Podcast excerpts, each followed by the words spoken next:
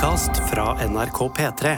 De nyeste episodene hører du først i appen NRK Radio.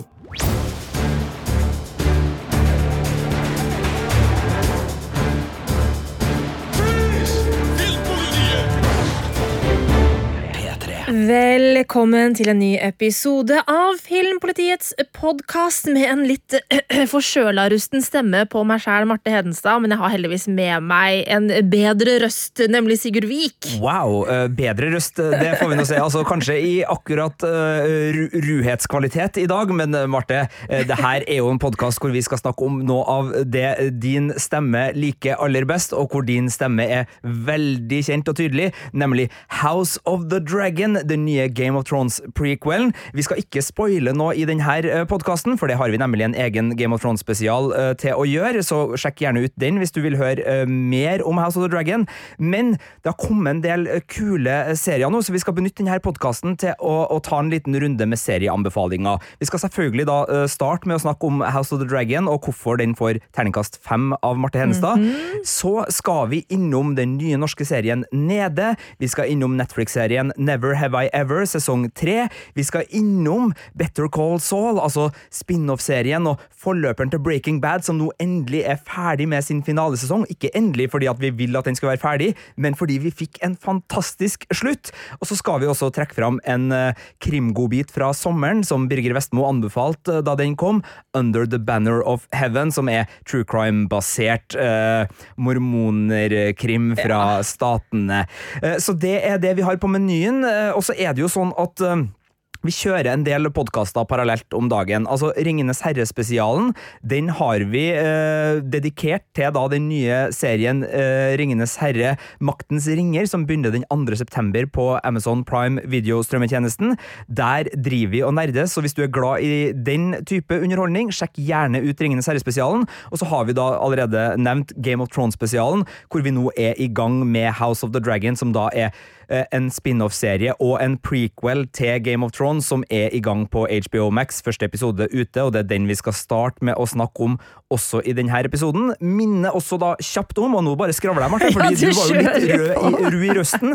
Eh, altså, hvis du syns at eh, våre podkaster kommer litt eh, tregt inn i spilleren din, og du bruker en annen spiller enn NRKs eh, app, så er det fordi at det tar en uke før våre podkaster treffer eh, det som vi kaller da tredjeparts apper, altså de andre, enten det er Spotify eller iTunes eller hva det nå enn du bruker for å høre på podkaster. Så hvis du vil ha våre podkaster uh, med en gang de slippes, uh, så er det i appen NRK Radio de kommer først. Og det er klart, hvis man skal følge serier som Ringenes herre og Game of Thrones, om man vil uh, ha rykende, ja, få det rykende ferskt, så er det der det skjer. Og også disse ukentlige, vanlige Filmpolitiets podkaster som kommer på torsdager, kommer da også først i appen NRK Radio. og den appen den eh, går det an å logge seg inn i? ikke det, Ja, den fungerer absolutt best eh, hvis du logger deg inn og lager en bruker.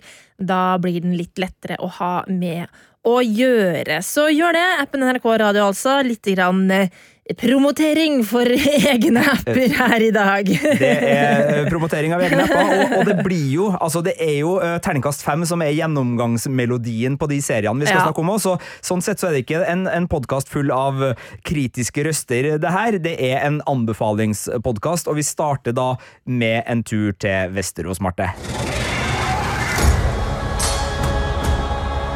consider the matter urgent. That of your succession. Who else would have a claim? The firstborn child. Rhaenyra. No queen has ever sat the Iron Throne. I will not be made to choose between my brother and my daughter.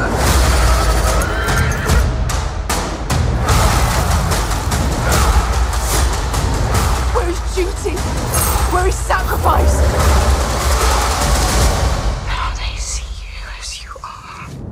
House of the Dragon, forløperen til Game of Thrones. Eh, vi var jo ganske så store fans av Game of Thrones, Sigurd, men både du og jeg var veldig skuffa over den siste sesongen, sesong åtte, da den gikk seg ferdig på HBO Nordic, som det het den gangen, så var vi ganske skuffa. Ja, jeg merker jo nå når vi har snakka om det, at jeg tror du er mer skuffa enn meg. For jeg tror du, du har tatt det med deg og, Ja, og latt det liksom latt gro og vokse. Bitterheten har vokst siden. Men, men, men det, var en, det var ikke en avslutning som sto i stil til all den gleden vi hadde gjennom sesongene. Det var det ikke, selv om jeg fremdeles koser meg med spesielt enkeltepisoder i, i sesong åtte. Så, så, så eh, ja, helt klart ikke det vi hoppa på. Og derfor så var øh, vi vel litt sånn, ikke matlei nødvendigvis, men det var ikke sånn at det liksom skreik etter liksom sånn Vi må få mer Game of Thrones, vi må få mer Game of Thrones. Men så begynte jo å, å liksom krystallisere seg ut noen uh, serieforslag til hva kan bli liksom flere andre serier fra det her. Det var én pilot som ble laga, men det ble ikke noe mer av det. Og så kom beskjeden da House of the Dragon er den første spin-off-serien ut fra det her gigantiske Game of Thrones-universet. Uh, vi så trailere, vi så drager, vi ble begeistra, vi leste begge boka, som det her ikke nødvendigvis er direkte basert på, men som det henter sine uh, bærebjelker ut fra, som heter Ild og blod, uh, som er da uh, en slags sånn bakom-historie skrevet av en fiktiv meister som handler om Targaryen-familiens regjeringstid i Vesterås, som da spenner seg de 300 årene cirka før hendelsene i Game of Thrones, og det er jo da familien til uh, Daenerys Targaryen som da uh, her, uh, erobra Vesterås og, og regjerte Vesterås, Mm. Vesterås, i mange år. Og det er jo en historie med, med mange historier, og, og House of Dragon går da ca. 100 år inn i den regjeringstida hvor det er store tumulter og, og litt problemer med å finne arverekkefølgen og, og få den meisla ut. Eh, og det er jo ei spennende historie som inkluderer borgerkrig med drager på begge lag. Og det gleder jeg meg veldig til å se. Jeg har altså da sett de fem første episodene ja, jeg, så, jeg så en sjette episode også, men den uh, ville jeg ikke vurdere. fordi der var rett og slett uh, VFX-ene, altså de digitale visuelle effektene, fraværende. Fullstendig fraværende. Så den kunne jeg ikke ta med meg inn i anmeldelsen min. Det sto en sånn plakat 'Her kommer det drager', gjør Ja, ikke det var bare sånn Uti der så var det bare sånn to minutter med svart, og så hørte jeg noe lyd, og så sto det bare sånn VFX oppå skjermen. Så den er ikke helt ferdig. eh, Så jeg har forholdt meg til de fem episodene som var mulig å faktisk vurdere. Eh, Og jeg har storkosa meg eh, med denne Altså eh, The Return to Westerås, for å si det på godt norsk. Eh, og vi eh, hopper jo da inn i denne historien, som du nevnte, 100 år inn i Targaryen-husets regjeringstid cirka, og det er i underkant av 200 år eh, før handlingene i Game of Thrones. Eh, og det er en tid som er prega av usikkerhet pga. dette med arverekkefølge. Eh, og det, altså usikkerhet når det gjelder arverekkefølge, det oppfordrer jo til eh, renkespill og politisk maktkamp og intriger og hvisking og tisking i korridorene i slottet på Kings Landing. Ja, og jeg vil jo tro at de som er glad i historie, også, også norsk liksom, kongehistorie, som har hørt vår kollegapodkast Kongerekka, som Are Sende Osen har kanskje, og som syns sånne ting er spennende, så, så mener jeg jo at det er uh, interessant å se uh, denne serien. fordi uh, selv om den er litt uh, såpete, og den har drager og overnaturlige ting og sånn, så er det jo først og fremst en, en dramaserie. Du har jo kalt den The Crown med drager, omtrent fordi i likhet med The Crown, da, som er basert på liksom, det britiske kongehuset og, og det tingene der, så, så har jo du lagt merke til at den historieboka det her er basert på, den gir oss liksom historiske hendelser, men å fylle ut og liksom se for seg hvordan er samtalene på kammerset, hva er det som foregår, hvordan er det egentlig når det bare står dødsfall? Ja. Hvordan var dødsfallet? Hvem var involvert? Altså, det er jo de her tingene som utbroderes da i det her fiktive landskapet, som likevel liksom kjennes litt sånn her Ja, øh, politikken kan jeg, kan jeg forstå, og her er det jo eh, selvfølgelig arveoppgjør fordi ulike folk mener at de har eh, krav på, på trona, eller bør være arving. Eh, men det er jo også en feministisk brodd som er veldig tydelig her. Ja, fordi det er jo sånn at eh, den som sitter på trona eh, i denne tiden, da, det er kong Viserys den første, spilt av Paddy Constantine, eh, og han har ikke klart å få en sønn. Eh, han har fått noen sønner, og han har fått noen barn, men dronninga sliter, eh, barna dør, og det er, det er dårlige tider. Eh, men han har en datter eh, som heter Rainera. Hun spilles av Millie Alcock innledningsvis eh, i serien. Um, og så har han jo en bror, da, uh, som heter Prince Damon Targaryen, spilt av Matt Smith. Uh, og siden han kun har en datter, så er det jo da Damon Targaryen som eh, denne onkelen til Rhaenyra, som jo da er eh, den rettmessige arvingen sånn egentlig på papiret, men han er ikke en trivelig fyr. Eh, og så er det da snakk om at Rhaenyra kanskje kan hun bli gjort til tronarving, men i all verden, altså en kvinne kan jo ikke sitte på jerntrona. Det ville aldri mennene i dette patriarkalske samfunnet som Westerås jo er, godtatt. Nei. Eh, og vi skal ikke spoile så mye mer her. Vi spoiler veldig mye mer i Game of Thrones-spesialen, så da kan dere som eh, enten allerede hører på den, bare følge med videre der, eller dere som vil høre mer, kanskje har sett første episode, fordi det er første episode vi, vi skravler om i den mm. episoden mm. som, som, ligger ute der. Um, så, så, er det bare å sjekke ut det. Men, men, jeg tenker jo sånn, for dem som likte Game of Thrones, uh, og som er nysgjerrig på det her, hvilke av kvalitetene er det som tas med videre her? Og da tenker jeg på uh, både fantasy-elementer og, og mer dramaserieelementene. Ja, altså det er jo drager uh, med her, um, men i de fem første episodene så er det på en måte den, den derre drageactionen som vi kanskje forventer at skal komme, og som vi har sett litt i trailere og sånn, den eh, kommer nok mot slutten av sesongen som et slags høydepunkt, vil jeg tro. Eh, det som er i denne delen av serien, i, altså innledningsvis i House of the Dragon, det er den delen av Game of Thrones hvor det er dialogdrevet eh, scener eh, hvor det prates på kammerset eh, om politikk, altså om ja, altså alle disse intrigene. Hvem er det som egentlig manipulerer hvem, ikke sant? Det er alltid folk som mener å ville det beste for riket og det ville det beste for kongen, men hva er det de egentlig jobber for? ikke sant? Har de egne motiver opp i ermet? Sånne type ting. Den delen av Game of Thrones syns jeg jo var veldig god. Eh, den som for det meste utspilte seg i Kings Landing. Og det er jo det som en måte, det landskapet vi beveger oss i nå. Og det er jo stort sett Kings Landing vi befinner oss i. Eh, vi skal eh, besøke litt andre steder på Vesterås også, men først og fremst så er det Kings Landing som er hovedrollen, nesten, i denne serien her. Ja, og, og, det foregår jo i en tid hvor veldig mye er på høyden. Altså, det har blitt brukt 100 år på å bygge veier, bygge Kings Landing, og dragene er jo større, og, og uh, prakten er mer uh, prangende mm. i den her, så, så, det er jo også en, en, serie som skrur opp de faktorene fra Game of Thrones ganske bra. Og uh, så er det jo ikke en spoiler å si at det kommer en hemmelighet inn i det her, fra George R. Martin, altså Game of Thrones-forfatterens eget hode Eh, som gjør det veldig spennende for oss som elsker fanteorier, og som eh, virkelig liksom eh, setter i gang en del muligheter for det her universet og det, dets videre liv. Sjekk gjerne ut Game of Thrones-spesialen som sagt, for mer om House of the Dragon, men du har da sett halve sesongen, Marte, og, og gir det en femmer, så jeg som bare har sett episode én, jeg skal bare fortsette å kose meg her. Bare fortsette å kose deg. Som jeg skriver i anmeldelsen min, at det kan nok hende at noen vil synes at denne serien Eh, er litt treig. Og jeg har sett rundt omkring på sosiale medier og sånn at eh, de som likte den mer actionspekka delen av Game of Thrones, syns det kanskje går litt sakte.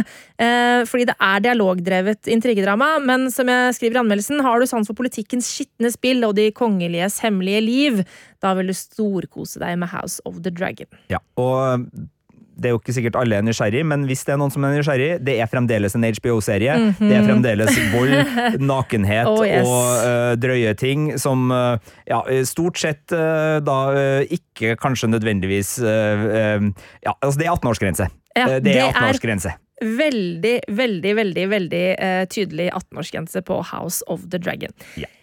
Så fra en serie som av og til er litt mørk, så skal vi til en annen serie som ja, kan være litt mørk den også, men som er eh, langt lystigere i sin form, nemlig Nede. Ja, en norsk serie som kom på Viaplay søndag 21. august, og som ligger ute i sin helhet. Og det kan vi jo si at House of the Dragon-anbefalinga den er basert på halve sesongen. Eh, herfra ut så kommer anbefalingene basert på hele sesongen, sånn at her er det ting som er ute, og som vi anbefaler virkelig. Og bare for å nevne det, eh, House of the Dragon, eh, første episode ute på appen HBO Max, så da vet dere det. Men nede, ja. Norsk jeg, har skrevet overskrifta er 'posttraumatisk galgenhumor'. Eh, for det her handler da om um, Fanny, spilt av Maria Østgulen, som får livet snudd på hodet etter en ulykke hvor bestevennen Kurt dør, og hun havner i rullestol. Så det har liksom skjedd før denne serien setter i gang, og vi uh, følger da opp uh, handlinga med at Fanny da skal liksom komme seg tilbake i sitt eget uh, liv, mens leiligheten hennes blir vurdert for om den kan liksom gjøres handikaptilpassa med tanke på liksom trappeoppgang og, og rullestolheis og sånn. Så flytta hun inn hos søstera Fem, og hun må også liksom forholde seg til den gravide kjæresten til Kurt, som da er etterlatt, og som har en del behov for å, å ja, få, få, ut flere ting. Hun har ei ganske eksentrisk mor som har fått seg en ny kjæreste, og, og dem er i live. Og så er det jo flere ting som er litt sånn skjult i starten, men vi begynner jo å nøste opp liksom sånn, hva var det som skjedde i denne ulykka. Det er noen sånn, litt sånn mystiske tilbakeblikk vi skjønner. Så, så det er spenning i motoren, men det er jo først og fremst bare en veldig velskrevet og god og velspilt komedie, full av sort humor. Og det er da Tina Rygg, serieskaper, som er serieskaper og manusforfatter her, som har jobba på, på Sigurd Fokke Pult og Basic Bitch, blant annet. Skrevet veldig mye kult der. Eh, og så er det også en regissør vi, vi kjenner godt eh, fra før, eh, Siri Seljeseth, som da var både hovedperson og blant serieskaperne av Unge lovende. Så det her kommer jo fra veldig gode skaperhender, og det er virkelig en en serie som jeg ble bare liksom sittende og se og tenke sånn Ja, det her er eh, veldig, veldig bra eh, TV, og en, nok en sånn halvtimesserie som altså, Det er jo et format som situasjonskomedien har, har hatt eh, tidligere, men de siste årene så har jo både i USA liksom serier som Atlanta, Transparent, Master of None, uh, Better Things og mange andre liksom utforska liksom, sånn, hva om vi gjør det her til dramaserier, og i Norge så er jo liksom serier som Pernie, nevnte Sigurd Fokke Pult, Verden er min, Kasko, Unge lovende, Ida tar ansvar, også serier som bruker et litt sånn kjappere format og kombinerer komedie med eh, dramaserie og alvor og tematisk dybde for å liksom fortelle historier med en egenart og en, en brodd som kanskje ikke ville vært like tydelig hvis det hadde foregått i mer uh, sånn, uh, gamle, tradisjonelle TV-rammer, hvor det her skulle ha vært uh, episoder på 45 minutter, og det skulle ha vært litt mer sånn ordentlig. Ja. her er det ganske Altså, det, det, er ganske skarpt. Ja, og du anmeldte jo til terningkast fem, og det gjorde at jeg gikk inn på Viaplay uh, for å se denne serien da den kom på søndagen, uh, og slukte alle seks episodene i én sitting. Fordi tre, tre, timer TV, da? Martha. Det er tre timer TV som var helt herlig. jeg må bare si, jeg elsker Maria Auskulen i hovedrollen som Fanny, og, og jeg syns også det der lille trekløveret som, som vi da får etter hvert, med Fanny og da Fam og og Jill, spilt av altså Fam er spilt av Mari Hauge Einbu, og Jill spilles av Isabel Bråten. Det er altså en så herlig miks av humor og varme, men også kleinhet, sårhet eh, og litt sånn vonde ting. Ja, eh, fordi det her er jo en serie som eh, selvfølgelig liksom eh, leker seg med situasjonskomikk og forviklinger, men den er veldig god på å la det eskalere som i, i gode porsjoner, fordi den, den, tar seg liksom tid til å, å la den første kleine situasjonen øh, være klein lenge nok til at vi liksom får kjent på den, men så øh, er den ikke serien tilfreds med å bare være der, så den har liksom ofte liksom ekstra gir, så den bare liksom dytter det hele enda litt lenger bort, og det kan bli litt sånn Hvis man går for lavthengende humorfrukt her, da, så blir ofte de punchlinene litt sånn der opplagt, men jeg syns øh, Nede klarer liksom å uh, overraske meg og, og, mm. liksom ta det til plasser hvor jeg liksom ikke nødvendigvis så med en gang at det skulle.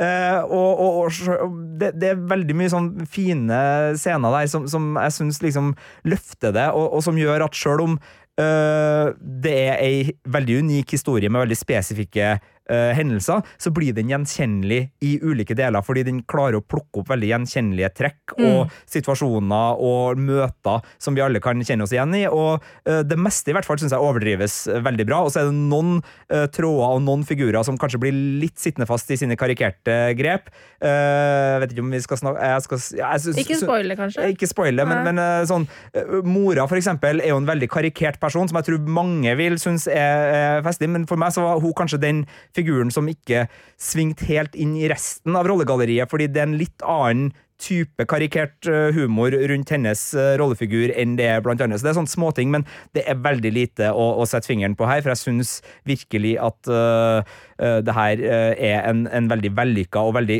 helhetlig mm. god serie som, som, bruker sine seks episoder til å fortelle historier på, på veldig godt vis. Ja, og så liker jeg veldig godt at Fanny ikke nødvendigvis alltid er en likende person. Hun har sine flås, for å si det forsiktig. Ja, altså sympatimuskulaturen din skal få, få trent seg uh, i løpet av disse tre timene. Og det er veldig gøy.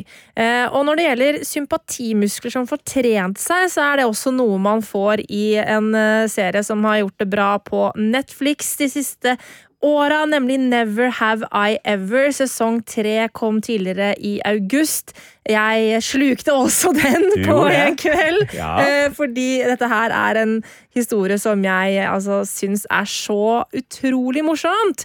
Eh, Skapa av Mindy Kaling og Lang Fisher, eh, så har vi jo da møtt Davy Vish... Jeg er så dårlig på navn. Davy Vishwakumar, spilt av Maitreya Ramakrishnan, i to sesonger allerede. Og jeg vet ikke om jeg kan jeg si måte, Kan jeg si starten på sesongen? Eller blir det spoiler hvis man ikke har sett de to første? Det blir kanskje det. Eh, kanskje jeg skal bare dra, dra det generelt. Eh, Davy er en jente som da går på high school i USA. Eh, hun har indiske foreldre. Eh, faren hennes er død. Og, og i første sesong så hadde hun akkurat sittet i rullestol i en periode fordi hun hadde fått et så stort sjokk eh, av farens eh, veldig brå bortgang. Eh, og hun på en måte kommer tilbake på high school med en sånn giv, hvor hun eh, tenker at eh, dette skal bli mitt år. Nå skal jeg ikke lenger være nerden Davy. Jeg skal være på en måte hun populære jenta som får de kjekke guttene. Og, og det er stort sett det det går i for Davy. Hun, hun, er veldig opptatt av dette med popularitet, og går egentlig ofte litt sånn langt og kan fort bli litt slem mot de som egentlig står henne nær i denne trangen om å på en måte lykkes på high school. Ehm, og dette her er jo en karikert historie, men den har jo disse universelle temaene. ikke sant? Sånn at selv om ting blir litt tilskrudd i denne uh, high school-komedien, så er det så utrolig mange ting man kan kjenne seg igjen i uh, hvis man er eller har vært ungdom. Og det har jo de aller fleste av oss vært. Altså, øh, er, altså jeg, tenker på det, for jeg er jo veldig glad i high school-filmsjangeren og, og, high school-seriesjangeren. Eh, altså sånn, noen av mine favoritter liksom, opp igjennom har liksom tilhørt det. Dazed and Confused, Richard Linklater sitt, mm -hmm. sitt mesterverk satt til 70-tallet.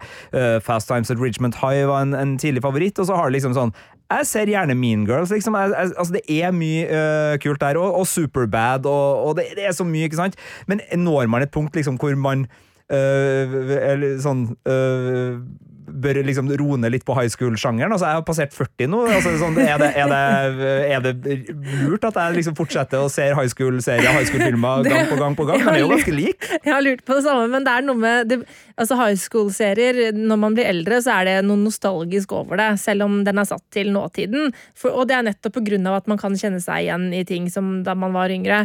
Uh, så jeg tenker at det er helt greit å få lov til å, å ha det gøy med den type serier, fordi uh, det er jo så morsomt. Uh, og Never Have I Ever har den der fine kombinasjonen av nettopp innimellom nesten litt sånn grovkorna humor. Altså, Davy er, er ei dame. Altså, hun, hun, vet hva hun vil og, og, kan være ganske drøy innimellom for å få det til. Um, men samtidig så har den også en sånn sårhet i seg, og har uh, handler også om utenforskap og usikkerhet eh, og de der tingene. Og jeg, jeg syns den klarer å kombinere humoren og de mer finere aspektene eh, ved det, eller sånn tristere eller sårere aspektene ved det å være tenåring på en veldig god måte. Da med overkant eh, vekt på humor, selvfølgelig, for dette her er absolutt en komedie. Ja, og det var helt riktig svar, for det var jo et retorisk spørsmål jeg stilte. Man er aldri eh, for ung eller for gammel, eh, bortsett fra når det er 18-årsgrense på House of Dragon. Selvfølgelig, Da må du snakke med foreldrene dine hvis du er uh, veldig ung. Men uh, altså, jeg liker jo også tegnefilmer, barnefilmer. Uh, altså, sånn, man liker jo alt, og, og, det er jo nettopp det. Det, det er gjenkjennelig, mm. selv om man ikke nødvendigvis er i de situasjonene. Fordi ja, altså, de tema, temaene som du nevner her, det er jo ting man kjenner igjen. Og, og når det er laga på en måte som liksom gjør at man tror på det, kan leve seg inn i det og, mm. og, og kjenne på det. Sjøl om det er karikert og morsomt, så, så, svinger det jo. Og Mindy Kaling, altså øh, veldig, veldig artig Ja, hun er dame. Eh, ja. Mange kjenner henne fra The Office, hvis man liksom eh, fikk navnet opp nå og bare liksom Å, hvem er det igjen? Mm. Men har jo nå blitt en, eh, en veldig viktig stemme også som serieskaper og, og manusforfatter, så jeg syns det er Ja. ja. Og mange har kanskje sett The Mindy Project også. Eh, også hennes medserieskaper Lang Fisher hun har jo også vært involvert i The Mindy Project som eh, manusforfatter der. Og hun har også jobba på Brooklyn 99, som jeg- du er veldig glad i, Sigurd. Åh, for en serie! Og for en serie. Og det var da amerikanske The Office, selvfølgelig. Ja. Ikke uh, britiske The Office uh, hun uh, spilte i. Eh, det var Never Have I Ever, eh, sesong tre ute på Netflix nå. Det er den nest siste sesongen. Det skal komme en fjerde sesong i 2023, som sannsynligvis da eh, angivelig blir den siste og avsluttende. Og hvis du ikke hadde sett noe av Never Have I Ever før, så har du jo da tre eh, gode sesonger foran deg der. Så det er tips nummer tre. Tips nummer fire er nok et sånt tips som delvis kan virke litt sånn Kanskje ikke alle har sett på det, men hvis du drar det litt ut, så har alle, om ikke sett på det, eh, eh, kunnskap om det. Fordi Breaking Bad er jo en av de store, store moderne TV-seriene, sammen med serier som Sopranos, Mad Men, Six Feet Under, Sex and the City og, og mange av de store liksom, sånn 2000-talls eh, ikoniske. Den starta vel i, i 2008 og var da historia om Walter White, som var kjemilæreren som fikk kreft, og som da øh, valgte et eh, relativt eh, dristig yrkesvalg, øh, og ble da meth-kokk og etter hvert ganske svær innenfor den narkotikakriminelle delen av Albuquerque. Eh, Den gikk med sine fem sesonger, vant masse priser, ble hylla, og så, eh, litt senere, så kom det en spin-off-serie som fanga opp advokaten Saul Goodman, eh, som da er i, i en sentral skikkelse i Breaking Bad, og som spurte liksom teipen tilbake, og som skulle vise oss hvordan ble Jimmy McGill, da, som han egentlig heter, advokaten Saul Goodman. Hva skal til for at det her blir en sånn? Og det er Bob Odenkirk som spilte Saul Goodman som den da litt sånn her eh, parkeringsplassadvokaten som hjelper et rikt spekter av kunder, men også da de, de kriminelle. Eh, jeg tenkte jo først at det blir en komiserie, da jeg hørte liksom snakk om at det skulle bli en spin-off. Eh, det ble det ikke. Det var en ganske seig serie som virkelig tok seg tid til å bygge Saul Goodman, eller eh, Jim McGill, James McGill, som rollefigur. Og etter hvert som sesongene gikk, så begynte jo det her å bare liksom blende inn, eller altså blande seg med Breaking Bad-universet på en veldig naturlig måte. Vi begynte liksom å få inn rollefigurer vi kjente fra Breaking Bad. Fremdeles veldig seig TV, men da liksom også veldig givende, for plutselig så fikk vi forhistoria til veldig sånn nøkkelscener i Breaking Bad.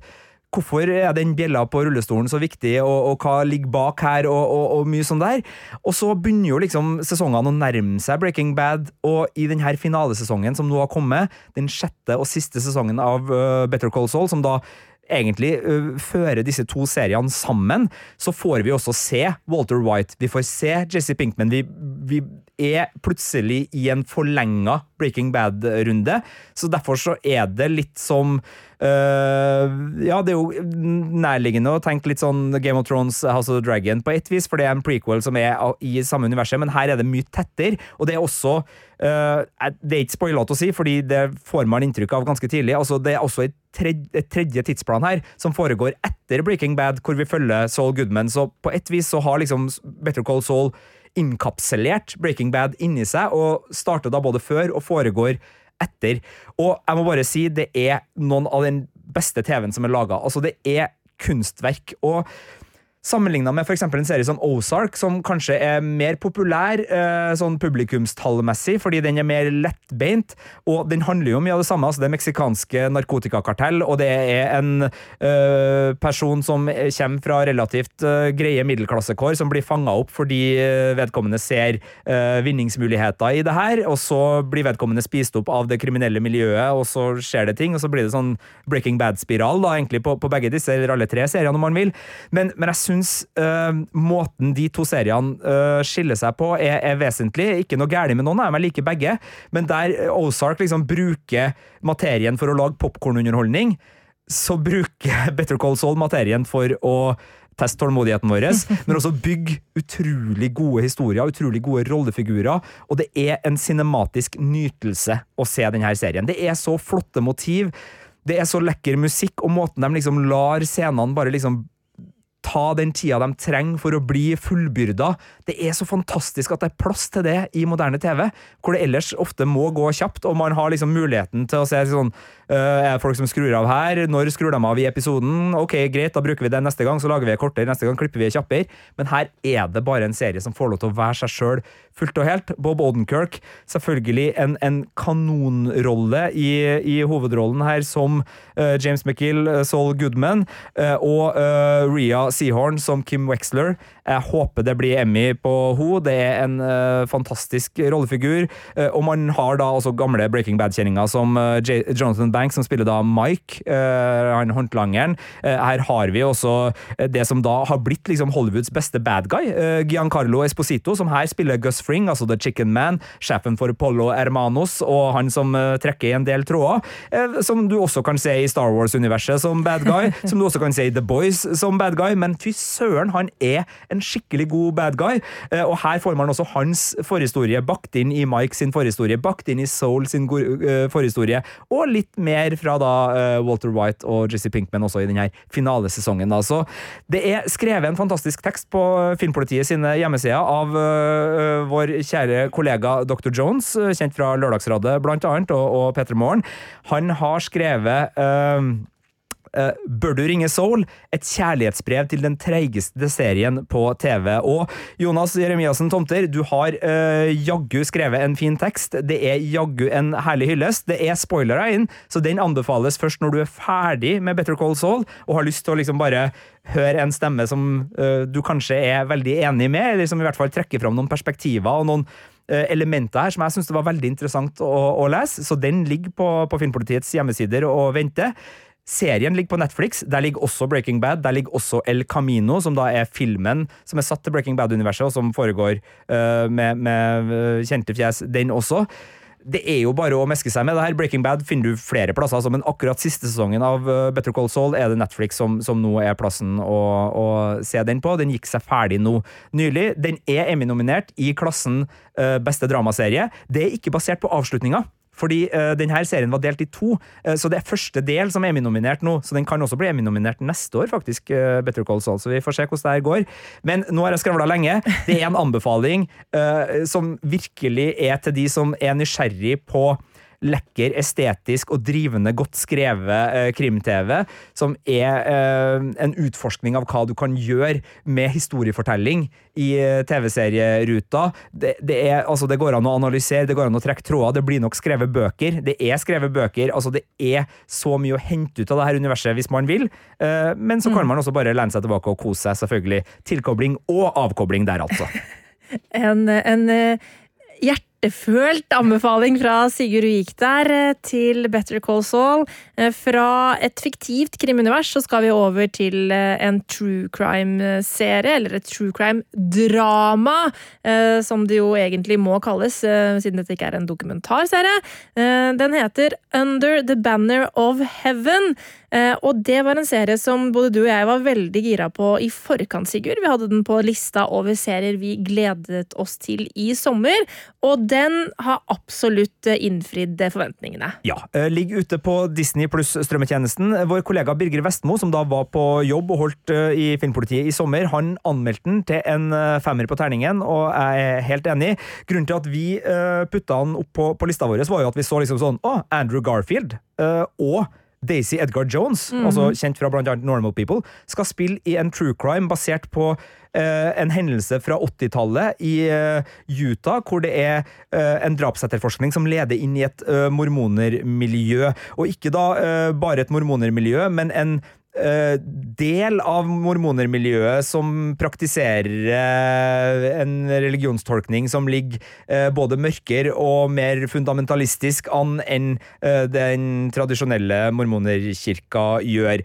Og det er en herlig serie. Altså, den er velspilt, den er veldig fint filma, den er full av stemning. altså jeg så det her uh, i Morgenbladet, hvor jeg tror det var uh, anmelderkollega Alexander Kielland som nevnte at det her kunne være um, True Detective sesong fire. Mm. For den har den der True Detective-måten å, å, liksom gli inn i liksom uh, stemninga vel så mye som handling. Altså det, det er ofte liksom at du bare liksom blir, blir, tatt inn i det, og så er liksom den der utforskninga av religion og religionskrise vel så viktig som etterforskninga. Altså Andrew Garfield spiller da Jeb Pyre, som er politietterforsker, men han er også en svoren mormoner som har veldig sterke Uh, religiøse bånd sjøl. Han lever i en strengt religiøs familie, og han jobber på et politikontor, et lite et, hvor det også er uh, religionen sitter i veggene. Uh, og, og, hans liksom måte å, å, skjønne at det her er et drap som kan liksom Altså, det er en grusom handling,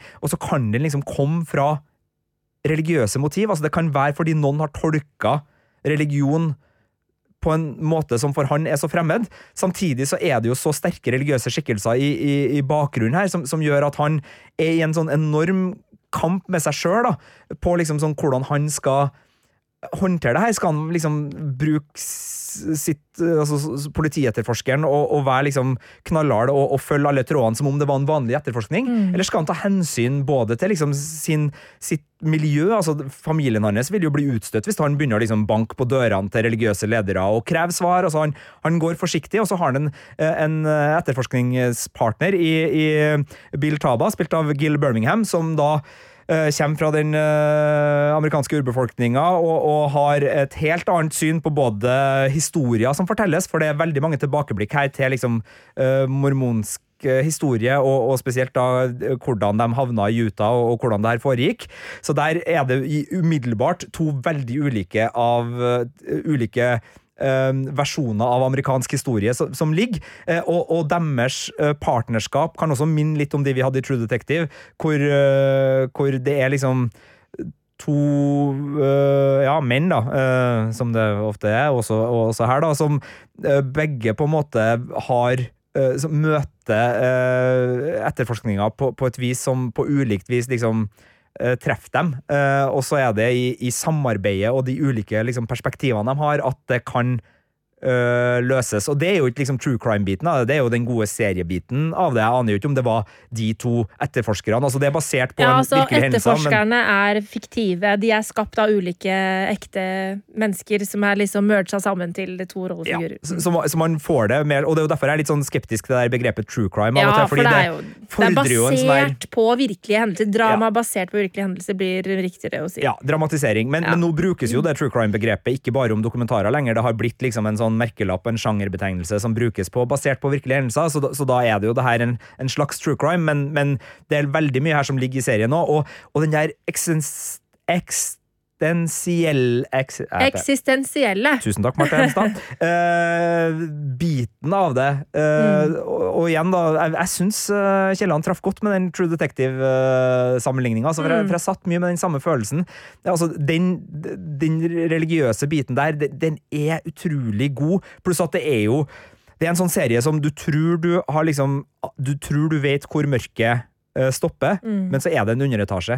Uh, og, og, det er litt sånn ubestemmelig hvor, hvor djupt går det her, for det er gamle religiøse tekster, det er gamle tolkninger, det er nye perspektiver. Det er liksom hus som ser veldig hyggelig ut, men som har uh, uh, både familiemedlemmer og, og, mørke i seg, som er veldig artig. Og den, den klarer å fange veldig artig, altså veldig interessant. Ja, også, altså, det Du snakka om stemninger i stad, så snakka om sånn fine stemninger, men det er også altså, ubehagelige ja. stemninger. Altså, sånn, ja, den den får deg til å føle på mye forskjellig, denne ja, serien her. Den gjør det, og, og det er jo også uh, ikke til å komme unna at i disse konservative miljøene så er det patriarkalske og, og syn, altså systemet og, og kvinnesynet dypt provoserende å, å, se på. Uh, det er det. Ja.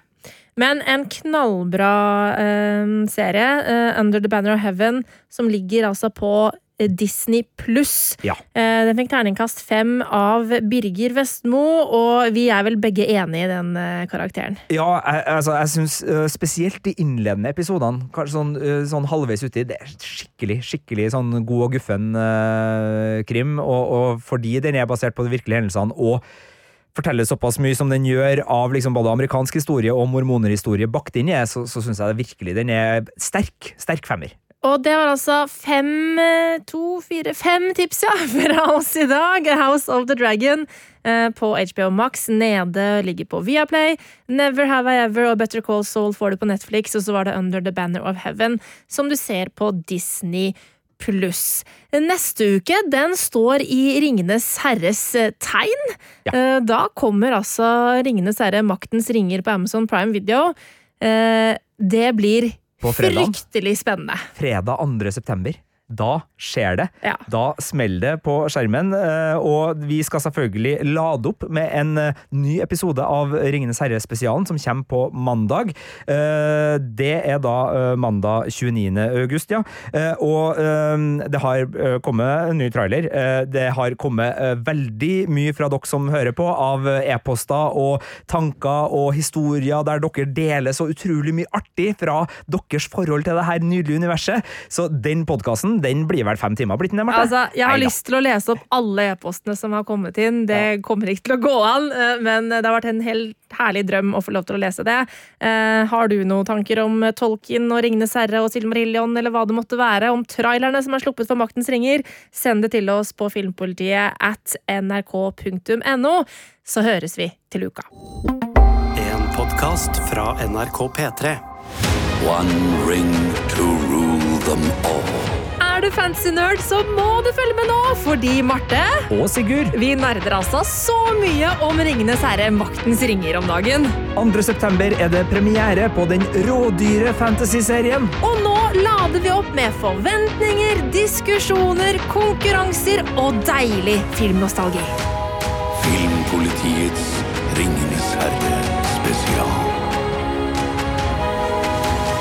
Hør det nå i appen NRK Radio.